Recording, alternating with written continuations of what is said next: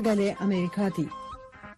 Sagaleen Ameerikaa sanbataaf dilbata galgala keessaa sa'a lamaaf walakkaa jalqabee hanga sa'a sadiitti meetirbaandii 22-25-31 irratti waashingtan diisii irraa sagantaa afaan oromoon saatalaayitii irratti tamsaasu kanarraa amma jalqaba.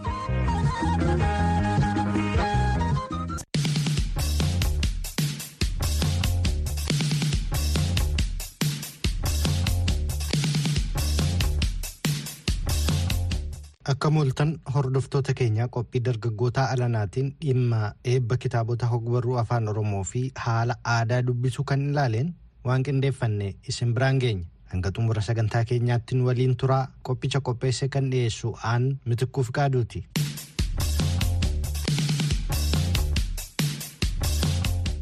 Yeroo dhiyoo as kitaabonni hogbarruu afaan oromoon qophaa'an sirna ho'aa ta'een yommuu eebbifaman mul'atu. Wayita eebba isaanii kanarrattis namoonni hedduun galma guutuudhaan wayita eebbisiisan ni argamu. Garuu akkasuma dubbistoonni kitaabota hogbarruu afaan oromoo ni baay'atu. Lalisaa idris ogeessa hogbarruu fi barreessaadha namoonni eebba kitaabaa irratti argaman irra caalaan isaanii dubbistoota jechuu hin dandeenyu jechuun haala ittaanuun ibsa. Magaalaa Finfinnee qofatti ture kan daangoo amma godinaalee garaagaraattis jilli akka kanaanuma qophaa'a. Galmillee guutee namni wal faana kan kitaaba eebbisu bakka hundatti yookaan barreessaa hundumaaf ta'uu baatus irra caalaan isaa yeroo galmi guutu argina. Gama dubbisa kitaabaati yoo ilaalte garuu ani si'a hedduu akka dhuunfaattis akka nama ogbarruu Oromoo waan ogbarruu Oromoo hojjetu tokkottis nan hirmaadha. Galma keessatti namni dhibbi shan yookaan aga dhibbi saddeeti yoo argame baay'atee baay'ate kitaabii koppii dhibba lama egaa nama baay'ee gurguratu koppii dhibba lama fa'aadha kan gurguru. Namoonni dhufan hedduun isaanii koppiiwwan waltajjii irra jiran daawwachuudhaaf dhufu malee kitaaba dubbisuufii miti kan dhufan. Kanneen nuti bitan sun immoo namoota dubbisanii miti akka gargaarsaa faatti yaadu akka barreessaa cina dhaabbachuu faatti yaadanii kitaaba bitu. Kaan achuma teessoo faarra kaa'itu deemaa si ajaa'ibaa kaan immoo fuudhee ba'eetu bakka wayitti faa gata. Dubbisaan jira jechuu hin dandeenyu. Yoomiyyuu mul'ataa raabsaa kitaabaa fi barreessaadha. Eebbi kitaabaa yeroo ammaa akka daboo yookaan jigii waammachuutii jedha. Eebba kitaabaa irratti galmi guutuu qofa miti amma dilbata darbe kana bakka afurii olitti eebbi kitaabaa kan gaggeeffame bakka arfanuutti galmi guuteeti kan jiru jechuudha. Kana jechuun hirmaataan eebba kitaabaa heddummatee akka jiru nutti mul'isa. Namni haguma eebbaaf yaa'u kana kitaaba dubbisaa kan jedhu kun immoo gaaffii namni deebisuuf rakkatu yookaan nuti deebisuuf rakkannu. Maaliif jennaan qabatamaa lafarratti namni amma kitaaba eebbisuu fi karoorri namni itti baafatu inni guddaan isaa horii walitti qabachuudha. Haa ta'uuti namni waa hojjechuun waa argachuu fi haa ta'uuti baadiyyaatti namni gaafa waa hojjetu daboo waammata. Amma eebbi kitaaba daboo waammachuu akka baadiyyaa sanaa waan fakka. Maaliif jennaan namni eebba irratti argamu kun nama takka kitaaba dubbisee hin beekne yookaan jaalala ogbarruu nama hin qabne fa'aa ta'uu danda'a. Yookaan qabatamaatti mana raabsaa kitaabaa yoo dhaqxee kitaabi kumi tokko waggaa lama sadii ta'a. Kitaabumti gaafa kana namni akkasitti yaa'ee eebbise sun gaafasuu kan bitamee dhumuun irra jiru namni gariin kitaaba dhibba shan kitaaba kuma tokko maxxansiisa garuu waggaa lama sadii itti dubbifamiin hafa. Kan kaan immoo eebbisiisee kan manuma raabsaatti hin baasne. Faatu jira kan deebitee hin argine jechuudha. Eebbisiisee waan itti karoorfate galmaan erga gahate manumatti dhiisa jechuudha. Kanaafuu eebba kitaabaa irratti namni argame jechuun gabaabaatti yoon si ibse kitaaba namni dubbisu akkasuma baay'ate jechuuf nu rakkisa.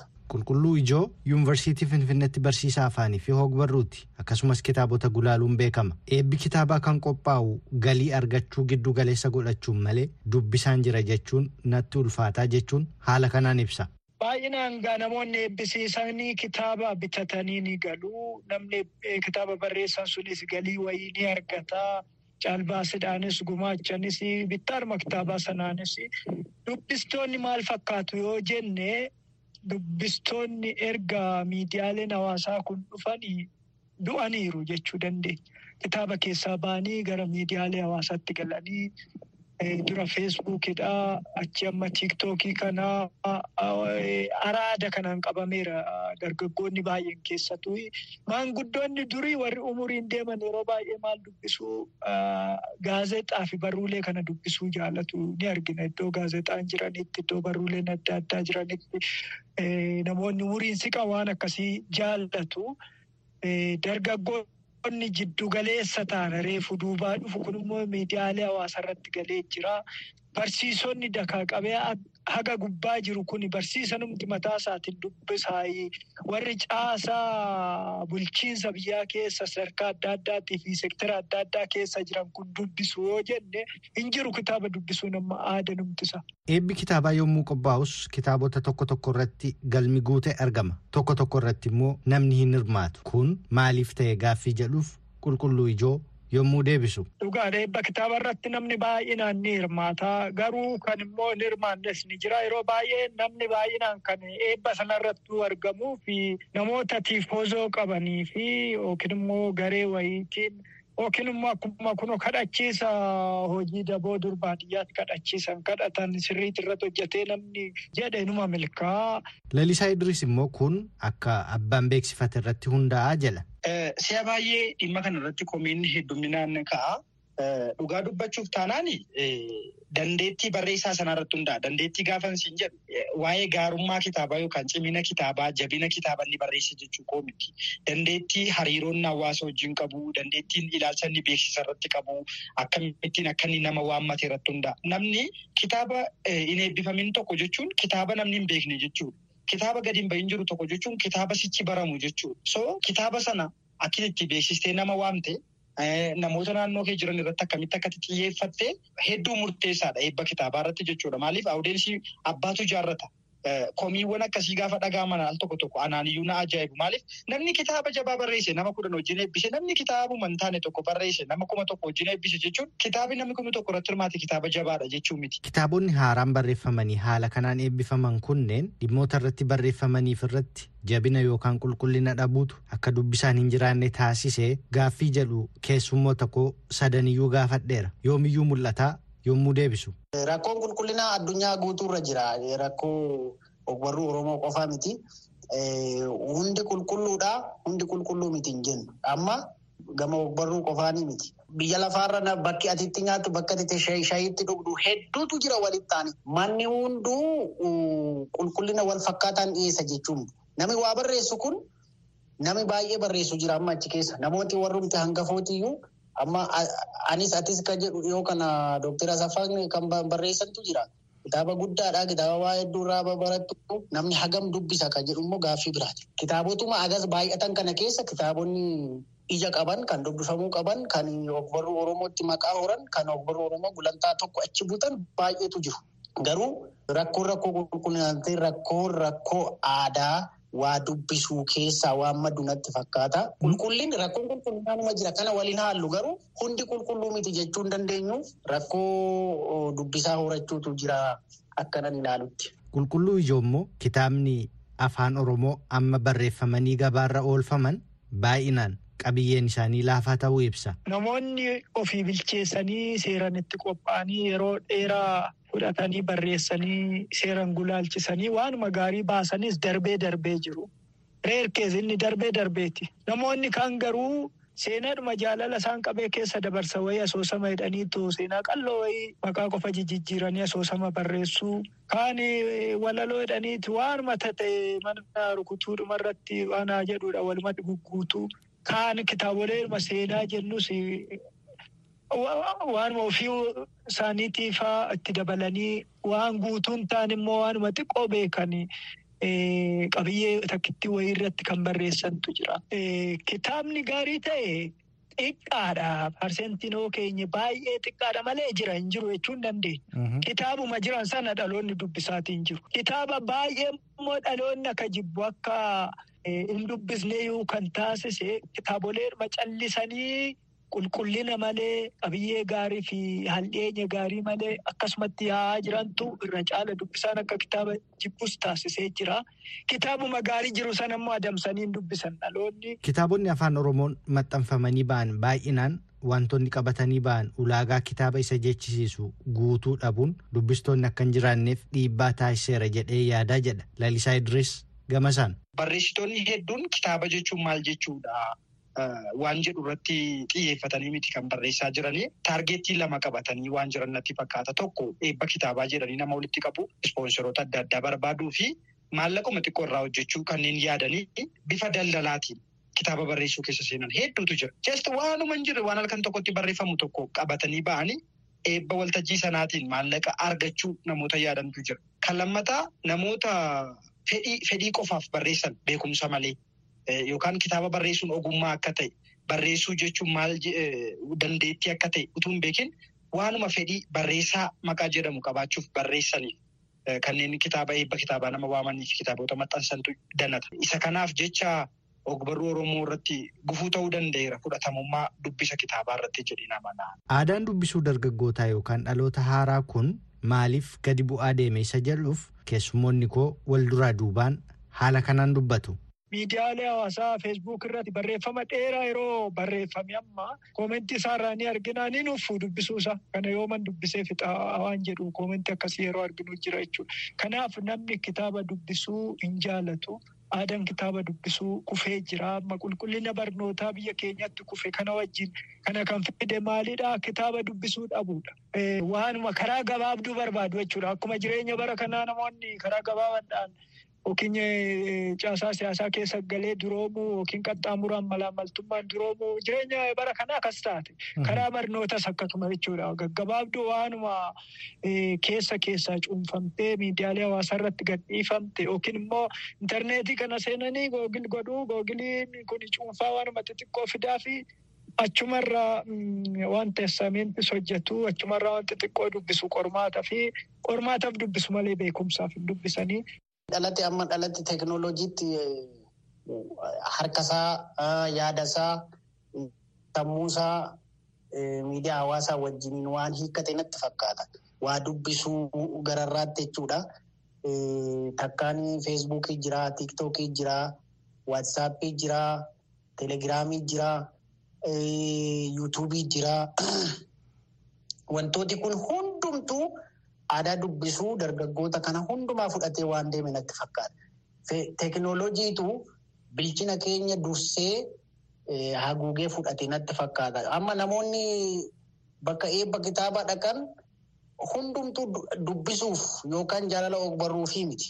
Akkan dura sitti himee jechuudha. Namni karaa adda addaa wal beekaa jireenya hawaasummaa gama adda addaa wal beekaa yookaan immoo miidiyaa hawaasaa irratti waan beeksifameef tarii achi deemee akka bashannanaattis akka yeroo boqonnaattis namoonni lakkaa'anii deeman jiraachuu ni malu. Suni namooti deeman sun maaliif akka deeman sababa mataa mataa isaanii haa qabaatan malee namni achi deemu hundumtuu kitaaba dubbisuuf yookaan beekumsa argachuuf deema jennee akkasitti ilaaluun nu rakkisa.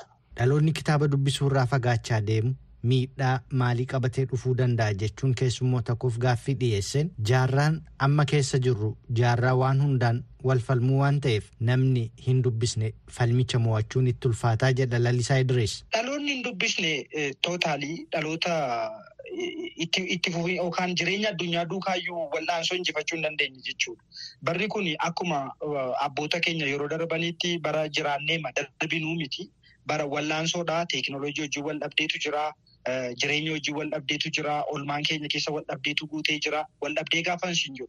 Lola osoo hin taane wantoota hedduu wajjin wal'aansootu jira dhaloota kanaaf. Kanaaf dubbisuun karaadha. Injifataa karaatti ta'an. Dubbisuu jechuun jiraachuudhaaf dubbisuun gara dirqama ta'utti yeroo dhufaa jiru. Kanaafuu dhaloonni hin dubbisne egereen isaa balaa keessa jira. Qulqulluu ijoo immoo barsiisaa dabalatee aadaan kitaabota dubbisuu gadi bu'uun barataanillee qormaata akka kufu taasiseeraa jedha.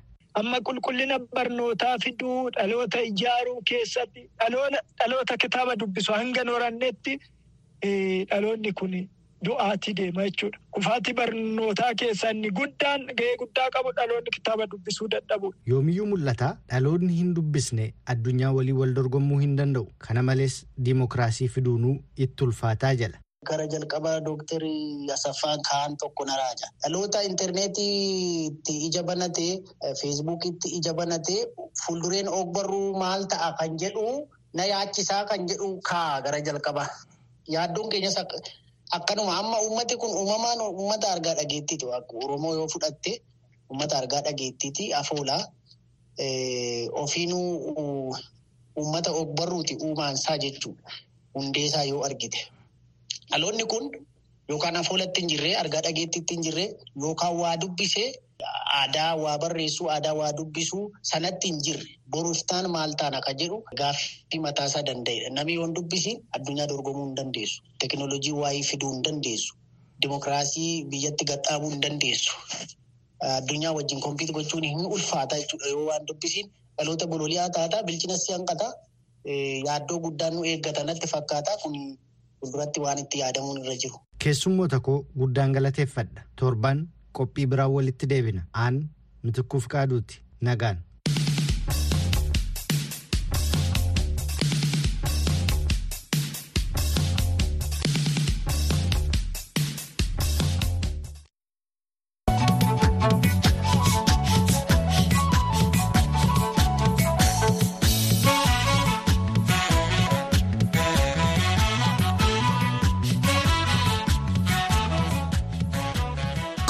Sagalee dhandhamannaa muuziqaati.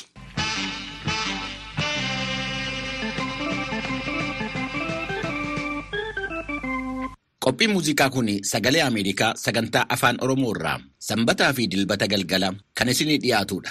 Qophii kana qopheessee kan isiniif dhiyeessu an Bafqaadhu Morodaati.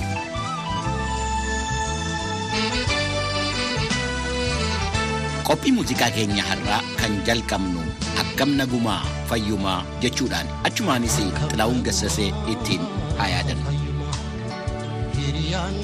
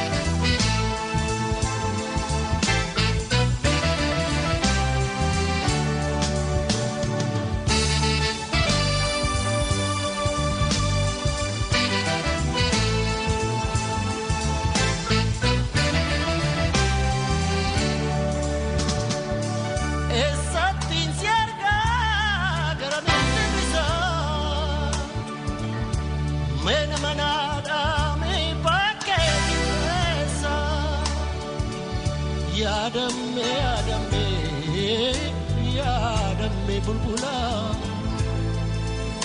Ani hirriba dhabee suman yaada bulaa akkam namaa fayyumaa.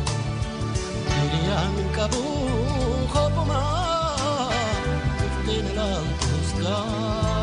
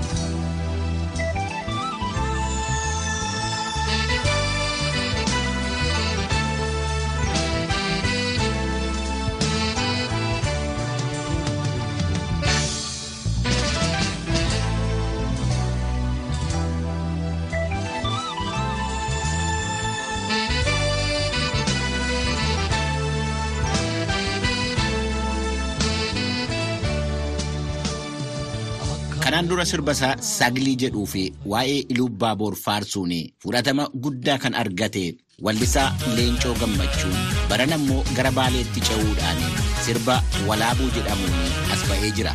Sirba miidhagaadha. Lixarraan dhufee si iyyaafadhee jedhee intala Baalee faarsa. Konkonee konkonee.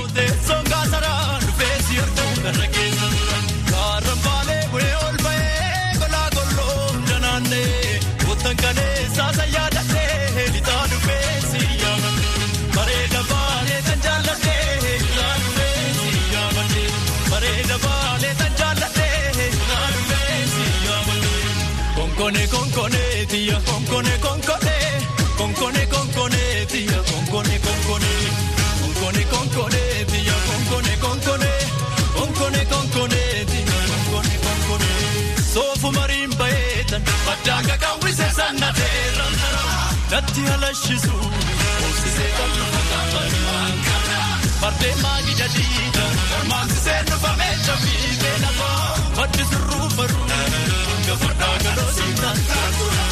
Konkone konkone, dalila jalala.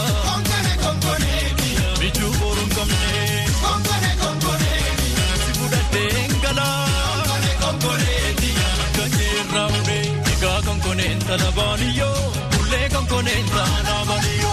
Dancing kala ye enadiyo kule konkonenta la baliyo Ega konkonenta la baliyo kule konkonenta la baliyo Dancing kala ye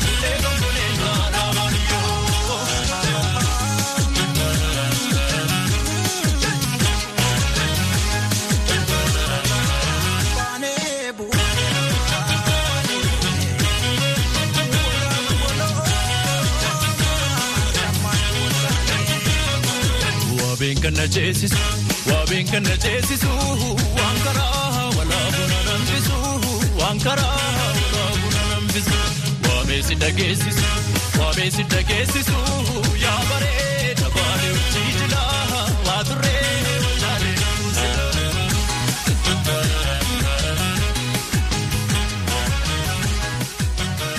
Gara sirbaa fi sirbitoota biyyoottan alaatti yemmuu ceenu Afrikaa kibbaa deemna. Zaaraa Niyaameezeelaa artistii badhaasa idilee addunyaa mooteedha. Sagaleedhaan ni weeddifti, gitaaras ni taphatti. Sirba akaakuu Afroo Sool jedhamuun beekamti.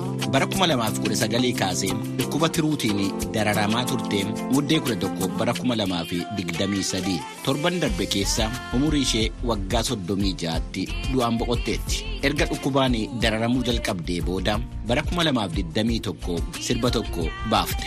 Waa'ee akkaataa rakkina keessatti jabeenyi horatamuutiin ergaan sirba ishee utubaa jabeenya namaa waan jedhuudha. Afaan hoosaa jedhamuun sirbite. Afaan Ingiliziitiinis sirba baay'ee qabdi. Ha dhaggeeffannu.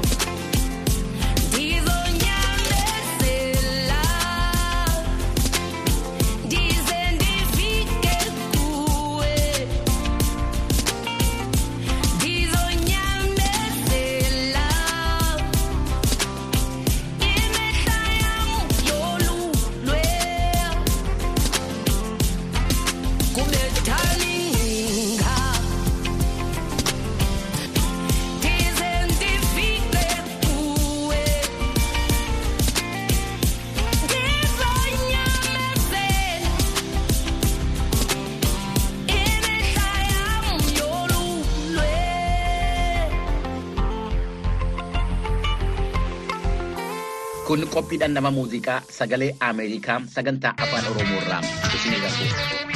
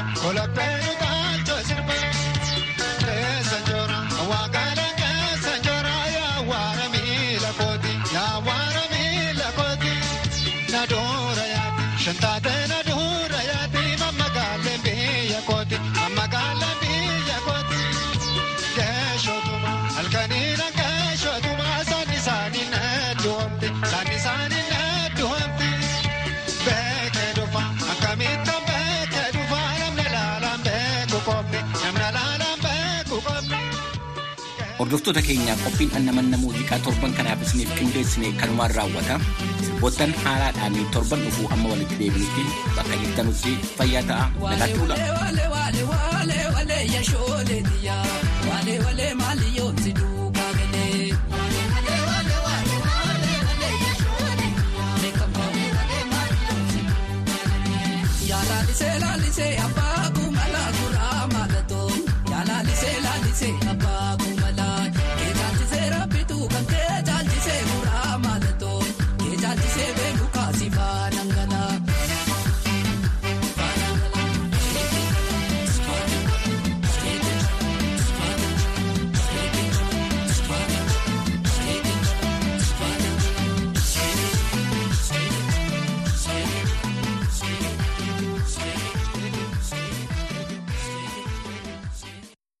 Sagaleen Ameerikaa sagantaan afaan Oromoo galgala keessaa sa'a lamaaf walakkaa jalqabee hanga sa'a sadiitti sanbataaf dilbata saatalaayitiidhaan sagantaa dabarsu kan har'aa asirratti raawwata.